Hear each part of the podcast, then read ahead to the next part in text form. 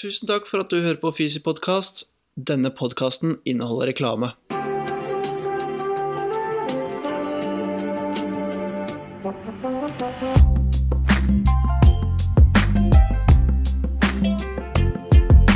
Når jeg gikk i barnehagen, så var det sånn kjempestort tre da, uh, i barnehagen. Og det var, det var liksom første treet vi, drev og klatra i. da. Jeg husker det var En gang så drev vi og klatra der, og så var det en av kidsa som drev og løp rundt der. Så tråkket han rett på et jordvepsebol, og alle kidsa satt i treet. og så var det totalt kaos. da. Det var sverma uh, jordveps overalt. Hadde noe tre? Husker du første treet du klatra opp i? Eh, jeg, tror ikke, jeg vet ikke om jeg husker første treet. Jeg, jeg vokste opp på en øy i, i Oslofjorden uten biler. Så jeg, jeg husker bare at vi, vi klatra jævla mye overalt. Eh, og så Vi fant en jordvepsebol, vi òg. Vi pleide liksom å spraye hårspray inn, så stå med badmintonracket og, og smashe de etterpå. Så vi var ikke dumme nok til å sitte oppi treet når de kom ut. Ja, nettopp. Så, men eh, det, ble, det har blitt mye, mye, mye treklatring. Ja, Ja. Ja, men det, det kunne jeg ha en mistanke om. I dag så sitter vi her eh, med Stian Kristoffersen. Det er eh, Må jeg nesten definere han eh, som veldig Eller klatremus av ville dimensjoner, men også utrolig dyktig fysioterapeut. Han har tidligere vært trener for klatrelandslaget, og han jobber også fortsatt med utøvere. Så har du også en utdanning i trening og coaching i tillegg til fysioterapiet. Og selvfølgelig så har han også skrevet en klatrebok. Det meste handler om klatring, som hvis han kan velge selv. Ja, det var jo det var i hvert fall inngangen min. Jeg har Ja. klatra Nå er jeg 35. Jeg begynte å klatre da jeg var 13. da Ja. Eh, Så det er jo det som har vært eh, Det som liksom har vært inngangsporten til alt av, alt av idrett. Og, og også til da Man hadde jo liksom sine skader selv da man var, var yngre. Og Mm. det, det var som fant ut at det var en vei man ville gå. Eh, Så det var liksom inngangen til fysioterapi. Og så um, ble det mer og mer mot klatreskader, og så blei det jo morsomt å trene utøvere etter hvert. da Så da tok jeg Olympiatoppen sin topptrenerutdanning der i tillegg. Før vi nå skrev bok som vi ga ut i fjor, som heter 'Klatrebibelen'. Ja. ja, det er veldig stilig. Vi sitter på Apex-klinikken i dag. Her jobber du klinisk eh, tre dager i uken. Ja. Eh, Hva slags eh, pasienter er det du eh, ser? Jeg, jeg ser jo mye klatrere. da Altså Mm. Nå har det blitt flere og flere klatrere. Så, så mye fingerskader Mm. som er knytta til det. Rollen min her på Apex er jo overekstremitet primært. Ja. Så, så jeg ser liksom fra brystrygg og ut. da Så har jeg jo sammen med min gode venn og kollega Jørgen Jevne Vi startet jo å holde kurset Sexy Shoulder. Det var vel i 2016, var det vel? Ja, at vi begynte å holde det. Eh, egentlig som et resultat av at vi så mye skulderpasienter som vi egentlig ikke skjønte så mye av. Ja. eh, og fant ikke der, den forståelsen og det rammeverket noe sted. Så vi bestemte oss for at da får vi prøve å lage det selv. da. Eh, så det, det var som sexy shoulder, og da blir det jo har det naturlig blitt mye skuldre. da. Så det er jo det jeg ser mest, da, totalt sett. Ja, ja, det kan jeg se for meg. I eh, dagens, eh, dagens tema på Fysi Podcast er da eh, langvarige smerter i skulder. Og det er det vi skal prøve å snakke litt om først her, da. Så um, bare for å starte, spinne off den første der. Hvor, hvor, hva, hva er en uh, langvarig skulderplage? Hvordan presenterer den seg? Nei, altså, det, det er jo altså, Hva er en langvarig skulderplage? Det var, det var liksom det første vi prøvde når vi, når vi begynte med seksersholdere. Er liksom, okay, hvordan klassifiserer vi disse ulike skuldrene? da? Eh, og det, det er jo henta fra liksom, type Meekins og Louis og, og ja, Derry Griffin, Chris Littlewood, alle som snakker om de ulike kategoriene. Og nå er det vel sånn grei konsensus på at du har en, en stiv skulder, eller du har en vond skulder, og så har du AC-ledd, nakke, da. Og så er det litt større spørsmålstegn på den instabile skulderen, men som, som også er med i bildet. Ja. Så, så er det klart en, en langvarig skulder kan presentere seg på mange måter. Men det definitivt vanligste er jo den, den vonde skulderen. da. Eh, Det som man på en måte kaller subakromielle plager, eller Ja. rotator cuff-relatert skuldersmerte. Mm. Kjært barn har mange navn. Ja, sant. Ja. Ehm, som, som er ehm, som presenterer seg typisk da med, med aktivitetsbetingede smerter lateralt på skulder, eventuelt litt ned i overarmen. Mm. Og um, når, når, det er jo selvfølgelig den vonde skulderen, da. Så det er jo en, en eh, stor komponent som heter smerte inni her, da. Og når, når, er vi, når er det vi kan definere da, at det har vært en langvarig uh, smerteplage, eller langvarig skulderplage? Nei, Det er jo noen som syns det er langvarig hvis det er to uker. ikke Ja. Eh, og så er det noen som sier at de har hatt vondt i skulderen i syv år. Så Mm. det er ganske stor, store individuelle forskjeller på hva pasientene mener er langvarig. Mm. Eh, jeg synes jo Hvis man på en måte skal komme inn i, i selve denne smerteproblematikken som en sånn Hvis man går i retning korsrygg da, med, med uspesifikke skuldersmerter, som egentlig begynner å tenke kanskje blir en riktigere og riktigere term for akkurat den subakromielle gruppa, Ja. Så, så må, vi, må vi ha utelukket en del. da På Mm. samme måte som man triasjerer en rygg, så gjør vi jo litt det samme i skulder. ikke sant? At Ja. uh, Har du en AC-leddsartrose eller en artritt, så, så er jo det er jo smerte der òg, men det er kanskje Mm. litt mer spesifikt. Tilsvarende med en frossen skulder er jo kjempevond, men det er litt mer spesifikke ting som man kan gjøre. Mm. Så vi må jo på en måte skrine ut de tingene, og så Ja. sitte igjen med, med, med noe som er mindre spesifikt. da Ja. Ja det er, jo, det er jo, vi snakker jo om mye rød flagg og sånn, som er veldig viktig. I hvert fall lave ryggsmerter. Og liksom bare, ok, Vi må i hvert fall finne ut at det ikke er noe alvorlig gærent her. Og hva er på en måte de, hva er det de vanligste røde flaggene det er viktig å på en måte screene ut for, på skulder? Nå har jo røde flagg fått ganske hard medfart på rygg, da. Eh, Og vi har jo generelt mindre forskning på det på, på skulder, men det er jo Altså, jeg, jeg vil ikke kalle det rød flagg, men av de tingene jeg ser etter, så er det jo Er det en, er det en cervikal prolaps, Ja. eksempel, Ja. Så, så behandles det på en helt annen måte enn en vond skulder. Ja. Um, tilsvarende syns jeg det er viktig å, å identifisere disse frosne skuldrene. Det er ikke så mange av dem i befolkningen, men, men nå ser jeg jo selvfølgelig mange. Men jeg tipper jeg har feildiagnostisert veldig mange tidligere også. Ja.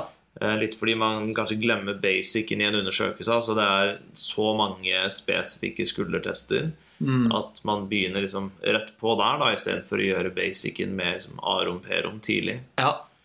Så har man disse, disse litt mer sære tilfellene mm, som, som cancerproblematikk, Mm. eh, tumor i skulderen, Mm. eh, som er sånn Man har snakket om at noen, noen tumorer kan maskere seg som en frossen skulder. Mm. Og så, så vet jo at det er, du skal jo egentlig ikke ta bilde av en frossen skulder. Du trenger jo ikke det for å stille diagnosen. Nei. Og med et frossen skulderforløp på liksom, snittid på 32 måneder, da, Ja. når er det du tenker at det her går ikke den veien det skulle gjort? Som Mm. da vil være kriteriet for å se til en annen diagnose enn en frossen skulder. Ja, ja. Men dette er jo så få det gjelder, så da må man jo se til alle andre tegn da, som kan, kan være kanser. Altså tidligere kanser, familiehistorikk, Mm. eh, ledsagende symptomer med, som, som kjennetegner den problematikken. Ja, sant. Men jeg var, um, var litt inne på tester der. Skuldertester. Hvor, hvor sikre kan vi egentlig være på at vi, vi stiller eh, diagnosen med de testene vi har? Det Rett, rett diagnose?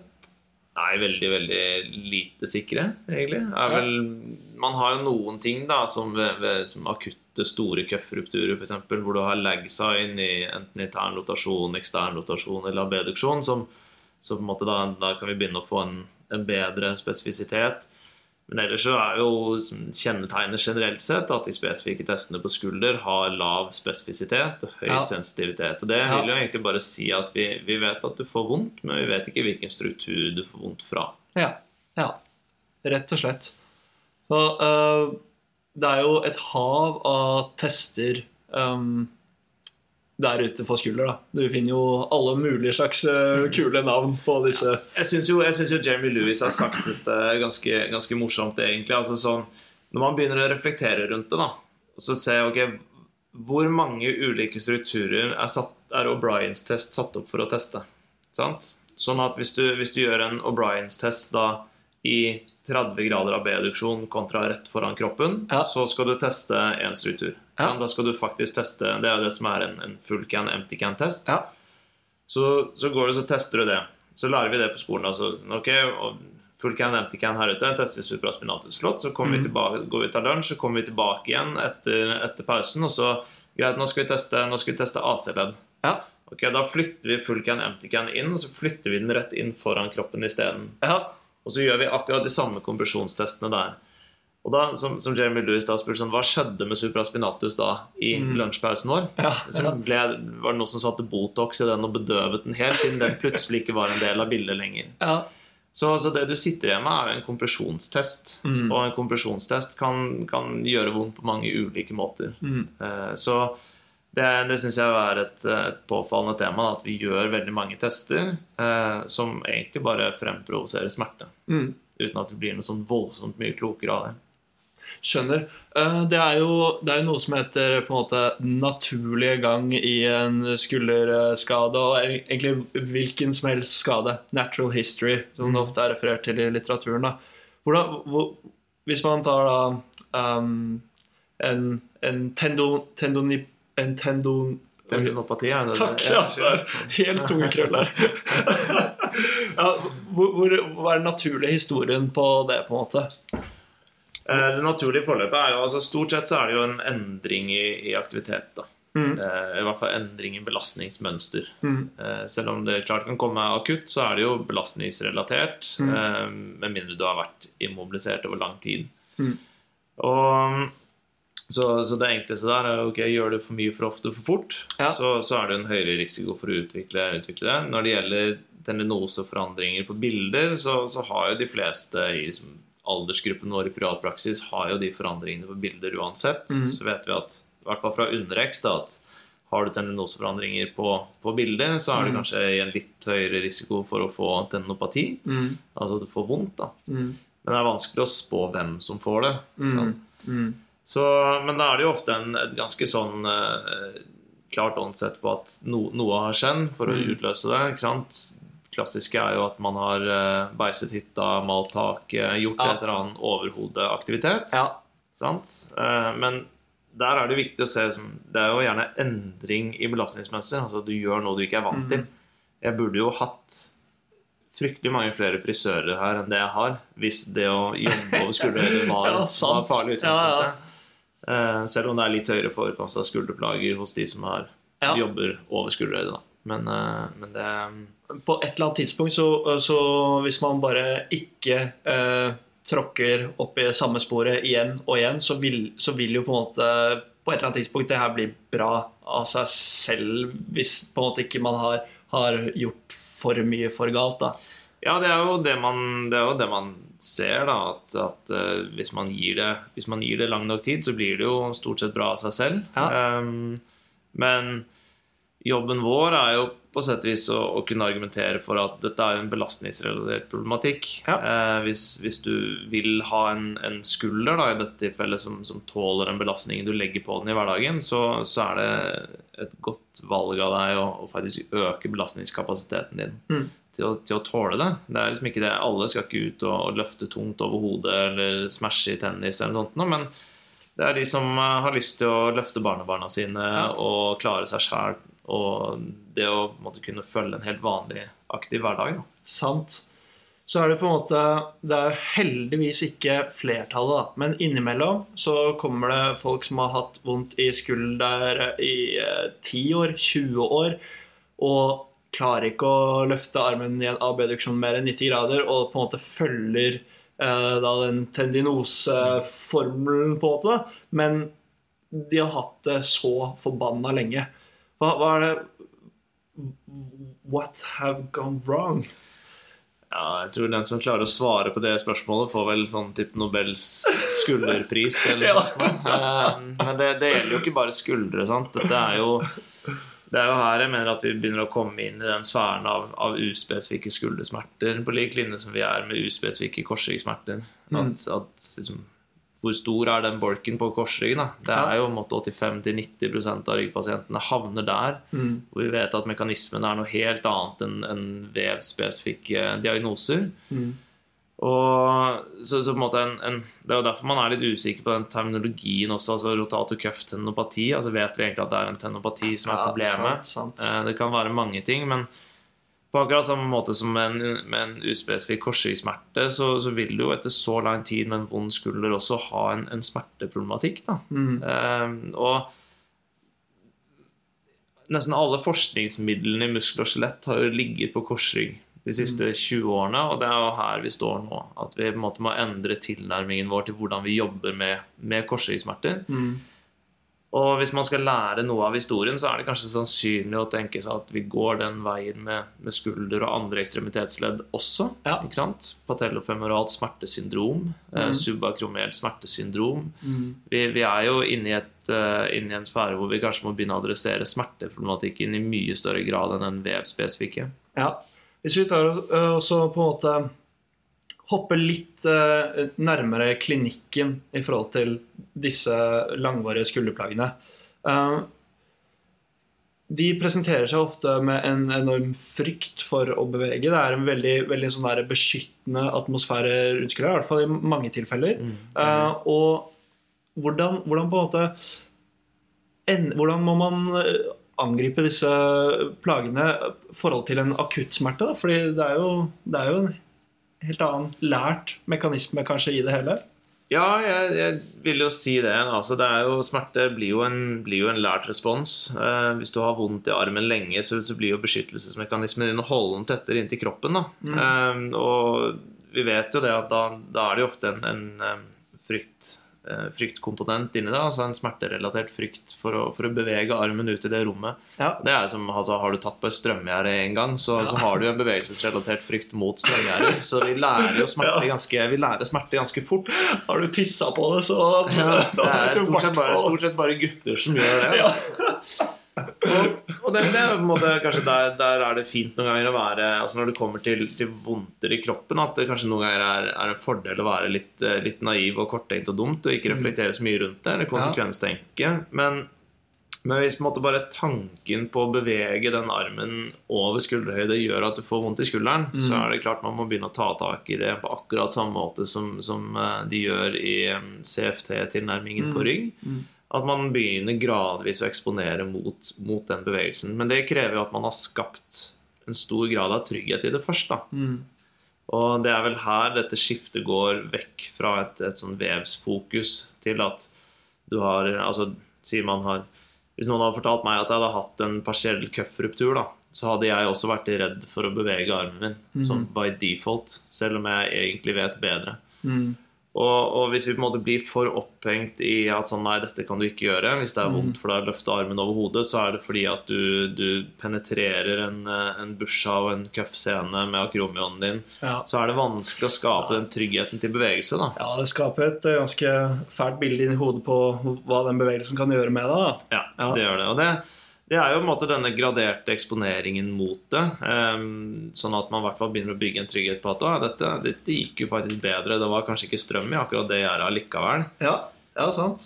Uh, og så har man jo de som, som responderer veldig godt på, på det som kalles expectancy violation. Da, at sånn, sånn, som, sånn som Chris Littlewood viste litt i selvstudiet sitt også, at du tar den vondeste øvelsen Altså Du tar den referansebevegelsen de kommer og sier at 'dette er det verste for meg å gjøre'. Ja, Ja. greit, da, da er det det vi skal trene på. Ja.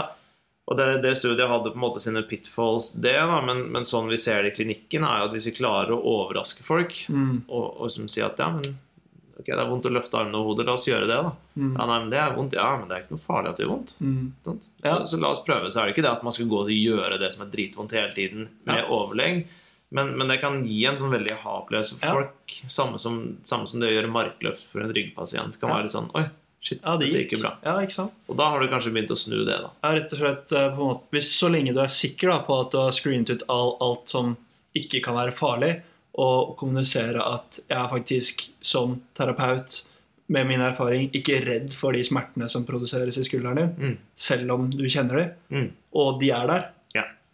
Og det var vel liksom en av de en av de tingene som begynte å gi mer og mer mening med skulderpasientene etter hvert som man skjønte det bedre, da, det var jo at ok, men vi har, ut, vi har utelukket alt det, som er, alt det som er farlig. Det, kan vi, det er egentlig ganske enkelt å Mm. gjøre. Og da, da står vi i hvert fall ikke igjen med noe som vi kommer til å ødelegge ved å gjøre det her. Ja. Og det ser man jo også ved, ved som generelle muskel- og skjelettplager, eller kroniske muskel- og skjelettplager, som det kalles. eh, At det å tillate smerte i trening har bedre kortsiktig effekt enn å skulle trene smertefritt. Mm. Og, og det ha, handler nok en del med rekonseptualisering av, av, av smerte å gjøre, da, og Mm. bevegelsesrelatert frykt. At du, du eh, Hvis vi tillater smerte, så, så sier vi også at sånn, det, det er ikke noe farlig. Det er ikke det at vi må trene med smerte hele tiden. Mm. Eh, Det er en balansegang mellom expose and avoid. Ja. Men i hvert fall det å tillate det. Fordi Hvis vi ber folk om å trene smertefritt, så tror jeg at vi implisitt sier at den smerten den betyr at det er farlig. ja, sant. Og det har vi jo veldig god indikasjon på at det gjør den jo ikke. Mm. sant? Mm. Og særlig ikke når det har gått lang tid. da. Lang tid, ja. Så spørsmålet blir sånn, når er den smerten din egentlig en nyttig forsvarsmekanisme, og når er den bare til hinder for å komme deg videre? ja, sant. Så, så jeg tror det at hvis man kan, kan tillate, tillate smerte i trening, det som er akseptabelt for, for pasienten, så har man i hvert fall et mye større mulighetsrom som man kan utforske sammen. Ja. Og med de ordene da er smerten hensiktsmessig eller nyttig eller uhensiktsmessig unyttig, så går vi inn i en liten pause.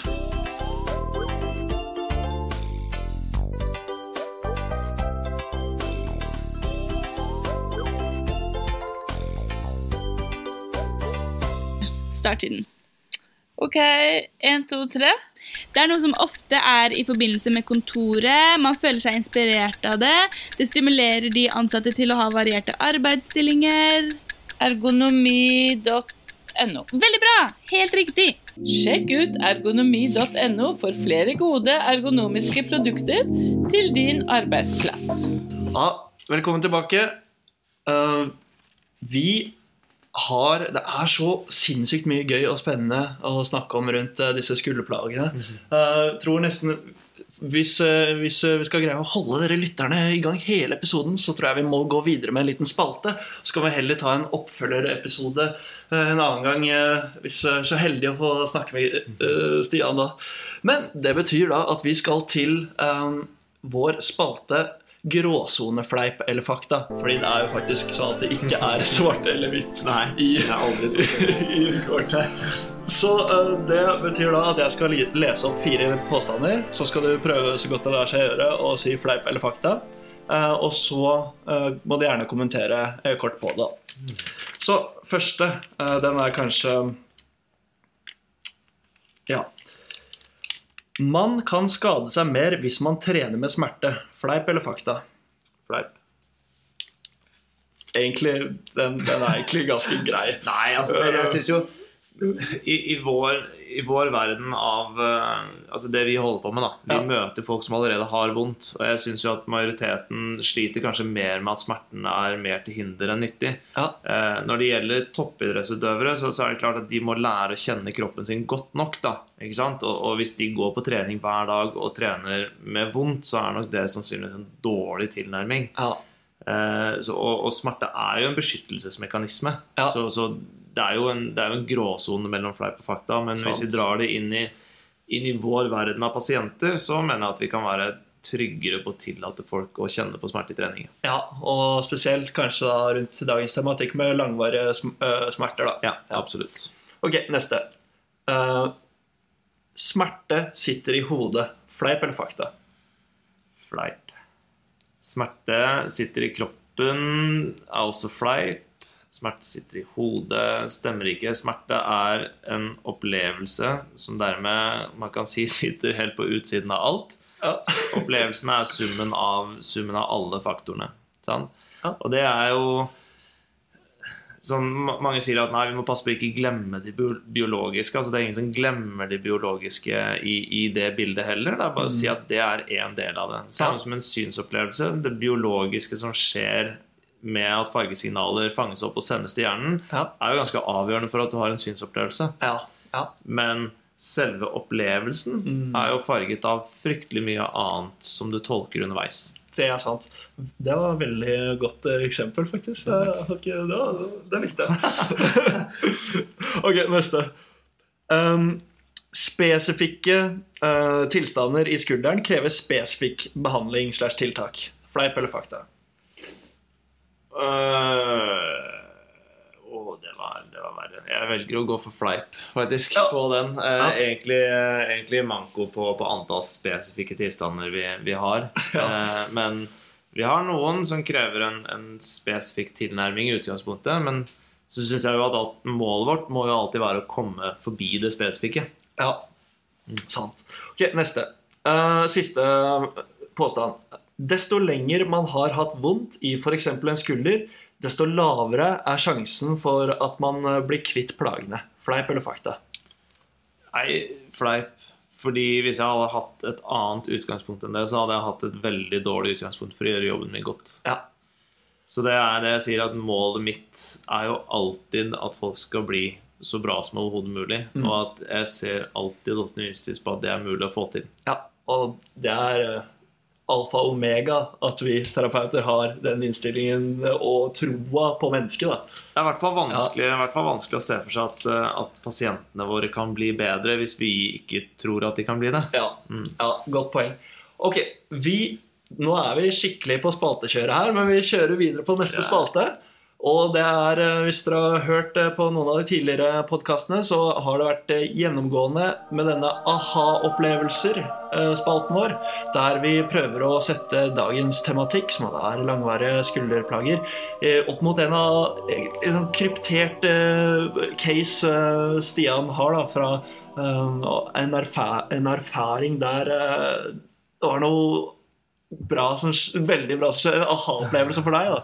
Det er som jeg sa til, en satra vi snakket sist, at sånn, man, man husker jo egentlig bare de, de negative aha-opplevelsene. da. Ja, ja. Nesten. Men, eh, men jeg må si som Jeg hadde, jeg hadde en pasient med, som, som var liksom sær, eh, sær tilstand med en, med en thoracus longus parese.